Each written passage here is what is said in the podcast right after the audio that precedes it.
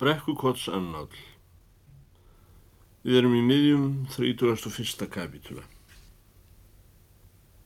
Við vorum stödd í mikil veistlu sem var að byrja hjá Guðmundsen og haldin til heiðurs heimsöngvaran Garðar í hólum.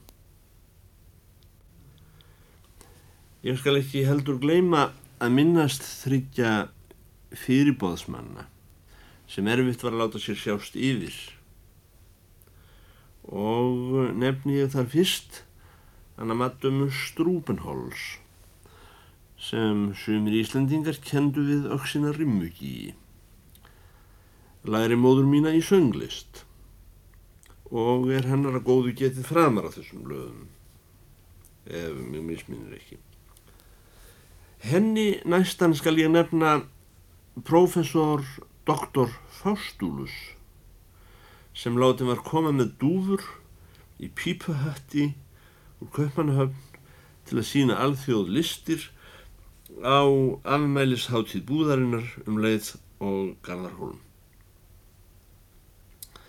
Þessi doktor Faustúlus leiti hugminn að hinnum hjákállega þýskara Faust sem borist hafiði í tala á fundinum um rakrafumvarpið. Nefn að þessi reyndist vera falsturbyggi að ætt og hafiði getið sér fræð á kaupstefnum einhverjum á Jólandi. Dr. Faustúlus átti sinn þátti að lífga upp þessa yfir strempnu ættarsamkomu með gladlegri góðdanskri framkomu og hugvitsamlegum uppáfinningum.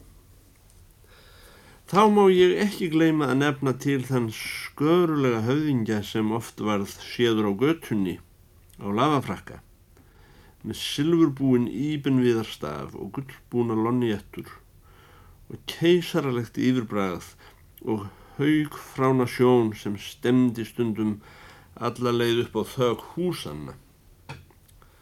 Grjótharðar handstúkur og vestisfellingar fullar af neftóbæki. Riðstjóra foldarinnar, alþingismann og ég vil ekki segja þjóðskáld því það var annar hver heldri maður á Íslandi þá daga, heldur einfallega skáld sem brátt mun sannað á þessum blöðum.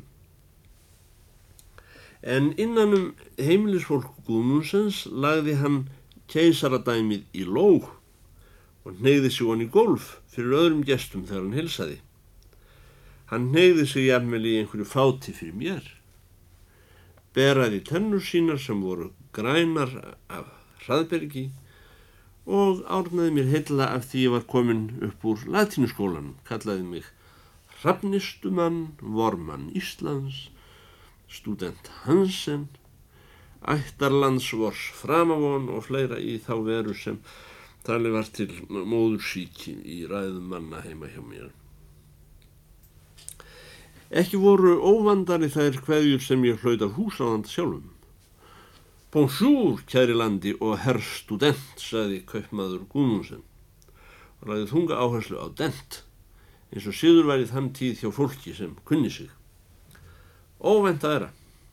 Ítalija terra est, Sardinia insula est. Má ég hafa þá ánægju að kynna studentin fyrir heimsfræðum profesor og doktor sem er komin til okkar með pútur í hatti? Og sömulegis fyrir okkar háttvirtu dansku mentakiðju auksinni Rimmugi sem ég vil þó lefa mér að kalla Madame Lonette hún hefur lofast til að spila fyrir okkur hrefstjóra sníðunar eftir list þegar búður að borða Ég held að Guðmundsson sjálfur hafi verið sá einn í þessu frendliði sem hafiði eitthvað afgangs í blóðinu af dönsku eðli samfara léttleik framkomunar.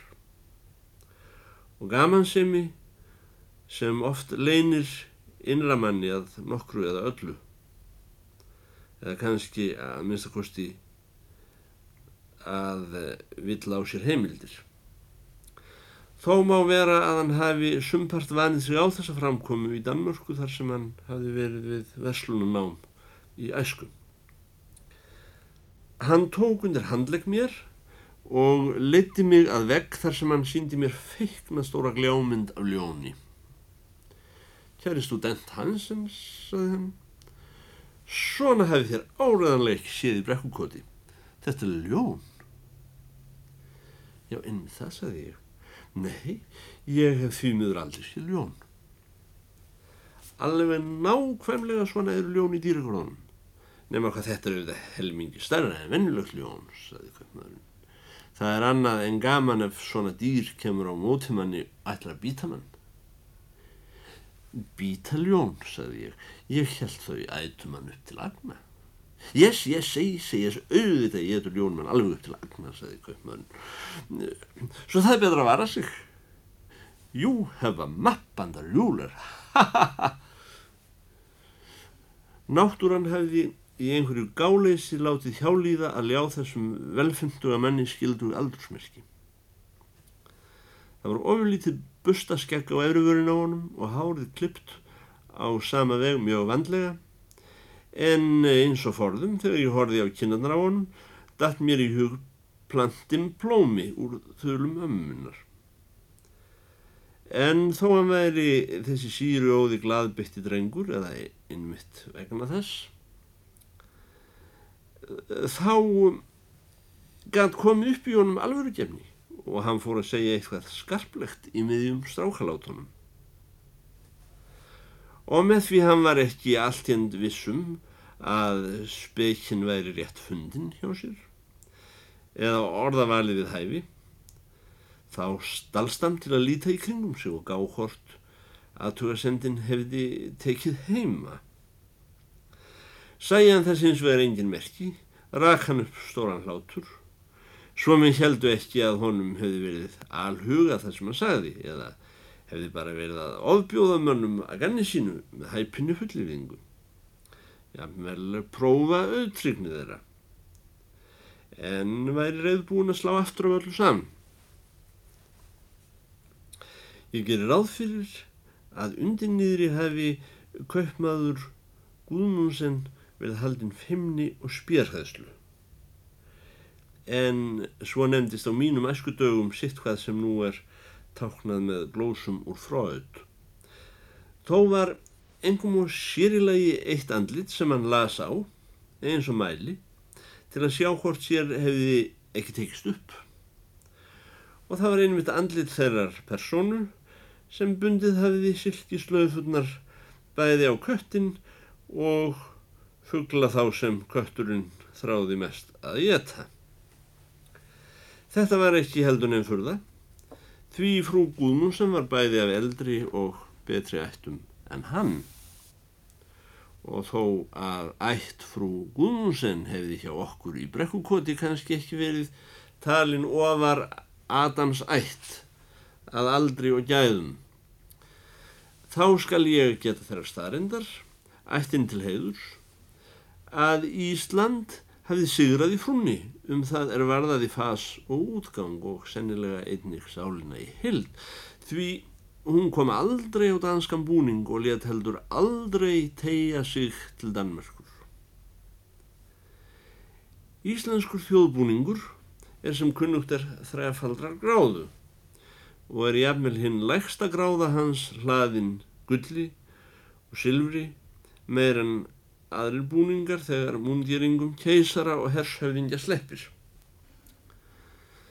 Þjóðbúningur íslenskra hvenna er þannig ólíklegastur búninga til þess að verða einkennisbúningur afdala kotunga og aftur úr fólks eins og þjóðbúningar annarlanda. Konan var klætt samkvæmt þeirri gráðu sem þessu samkvæmi hefði en það var upplutur og skal ég láta ósagt hver mörg jarðarverð hún bar utan á sér í góðmálmi og gimstein. En það kunni maður manni að segja að ekki munu margir herfóringjar, eða keisarar, hafa borið gull sitt með meiri skörungskap en hinn rammi íslenska frú Guðmundsen sem, sem hún leið þar fram um stofur sínar, þó stór skrólandi upp á danska vísu og sáum að engin hlutur færi á mis við slaufu sína. Eftir þeirri einkennlegu aðferð sem hafði var á Íslandi áður fyrr, ef átt að sína rausn, það var byrjað á því að veita gestum kaffi og sætabröð á undan matnum. Má vera að síður þessi hafi verið leifar frá þeim tíma að eldsneiti var ekki tiltækt nema mór og hann líkt eldfimur. Svo gestur þú ofta býða eiktar langt eftir steik og gröð og því óhjákvæmilegt annað en bera fram lettar veitingar til að stilla sárastan sult manna meðan beðið var. Hér var þó ekki seinleiti í eldamennsku til að dreifa, heldur fast heldni við fornan höfðingja síð, sunnan úr vógum og eh, þegar menn höfðu gætt sér á pönnukökum, kleinum, jólaköku, tertu, vínirbröðum og rúmlega 20 öðrum sætabröðs tegundum ásand með rómakaffi þá loks var farið að hugsa um að breyða á borð til sjálfrar vislunar. Ég sagði áðan að mér hefði þótt selskapurinn í við strempin. Var ekki skrítið að annar eins landstólpi og gúðumúnsinn skildir áttu sér næja að borða með heimilisfólki sínu til heiðurs við skjólstæðingsinn, frægan íslenskan veraldarmann á heimkomudegi hans mann sem samkvæmt málgagni búðarinnar hafði þó nýlega haldið söngskemtun fyrir Pávan. Í stað þess að gera móti honum visslu og bjóða til öðrum landstólpum. Átti ekki slíkur gestur heimtingu á en stórmanlegri viðtökum en þessum af hendi velunara síns og vendarmanns. Hvað merkti þetta ættarbóð? Var með hófið þessu verið að bjóða gardari inn í ættina án frekari málalenginga. Tráttur í slöfu á kött og kannarifugl, gullagðar frængur, hrefstjóra snýðunar eftir list. Mann fagnaði eins og mestur getur orðið á Íslandi allt frá hrútaberjum niður í háramilsgröð. Þá var ég öngunæður um samkveðnið. Framkoma ættarinnar við fræga mann var vægast sagt huldu hrútsleg. Látum vera þó mati á frægum söngmanni veri áfátt uh, hjá um, fólki sem ekki vissi hvað söngur var. En hvað var þá þessi maður í augum þess? Eða hefði innan búða pilturinn Georg Hansson úr Ringjarabænum aðeins verið veitur upp og bundin á að slaufa eina kvöldstund af því það þurfti að vilja einhverjum sínum eitthvað. Og þá hverjum? Um hvað? Hvað hafði borið til tíðinda síðan litla frökun Gúmun sem var lókuð inn í hjá sér í fyrir sumar það voru ekki náma nokkrar vikur síðan hún hafði trúað mér fyrir því að hún væri svo sem byði Garðars Holms En allt kvöldið sá ég þess engin merki að greiðfært veri orðið á milli söngvarans og dóttur Köpmanns. Það voru greinleg lög í húsinu að dótturinn skildi ekki þekkja þennan gæst nema rétt fyrir annan. Þau letust valla sjást. Hvað hver var að leika fyrir hverjum var mér hins vegar ekki ljóst. Var þetta sjónleikur handa mér og enni Madame Strubenholz? Eða honum prófessor doktor Faustúlusi? Valla þó handa þessum trúnaðarmann í búðarinnar sem bar keisaragrímu hundags á laungu stjett en sett upp góðskals andliti þegar hann var bóðið inn fyrir disk. Þó var eitt ekki sjónleikur hinn rauðu dílar sem hörluðu til og frá á hálsi og vöngum heimasætunar líkt og skíabrokk.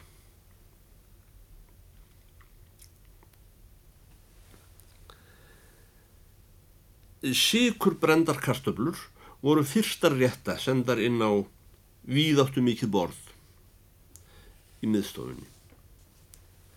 Þar fylgdi alls konar ávaksta mög og ídýfus og þungar að en hníguvarla. Síðan týndust smám saman eins og ólíkir hlutir sem steikt fransbröð og hangikjöld, súrhvalur og sardínur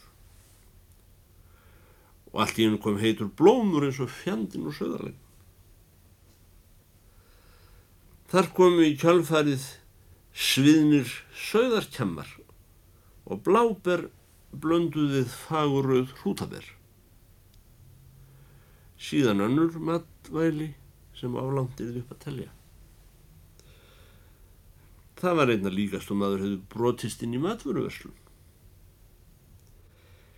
Hér gæt einn og sér hver eða til list sína eftir kenningu og hugssjón sem hann aðhyldist í mataræði. En það fór hver eftir sínu höfði. Sumir byrjuði á stektu fransbröði og enduði á súrhval. Aðrir á sútarberi og enduði á söðarhaus eða súri mísu. Því drikkir voru einnig forbornir kúamjólk og franskt rauðvín auk þess vökfa sem þegar var nefndur súpuskál með kakkþykkum haframilsgraut ræg lestina og var sett fyrir Jón Karlin Guðmundsson ættarhauðuð en eh, svo fæðutegund var um þessar myndir eftir kenningu frá Skotlandi talin sérstakt hollmeti fyrir maðurann Þegar matvæla sendingarnar úr eldhúsinu voru farnar að strjálast, bað Guðmundsson kaupmaður gestina ganga undir borð og menn rauðu sér niður hver þar sem honum síndist. Nefn að húsfræja stóð eftir í íslenskum síð á miðjú gólfi og stýriði veitingum. Kaupmaður Guðmundsson kallaði á matum Strúbenholz þar sem hún satt við hlið professors doktor Faustúlusar og baði hann að taka fram mandolínið. Riðstjóri foldarinnar fór hann í vasa sinn og útbýtti borðsöng sem hann hafði orrt og láti prenta og hétt fjölskyldu og vina söngur yfir borðum að syngja undir læginu Herra Jóhann eftir Mozart. Þó undarlegt mætti virðast var alls ekki tekið fram í fyrirsjón hvæðisins hvert veri tilefni þessa fjölskyldu og vínafundar. Svo mennur það eiga það við samvisku sjálfra sín hvort þeir væru hér heldur komnir að halda upp á Amelie Guðmundsens búðar eða fagna landa og víni sem borið hafið hróður Ísland sem gerða allan heim og svo til Pávans sem Muhammeds Ben Ali.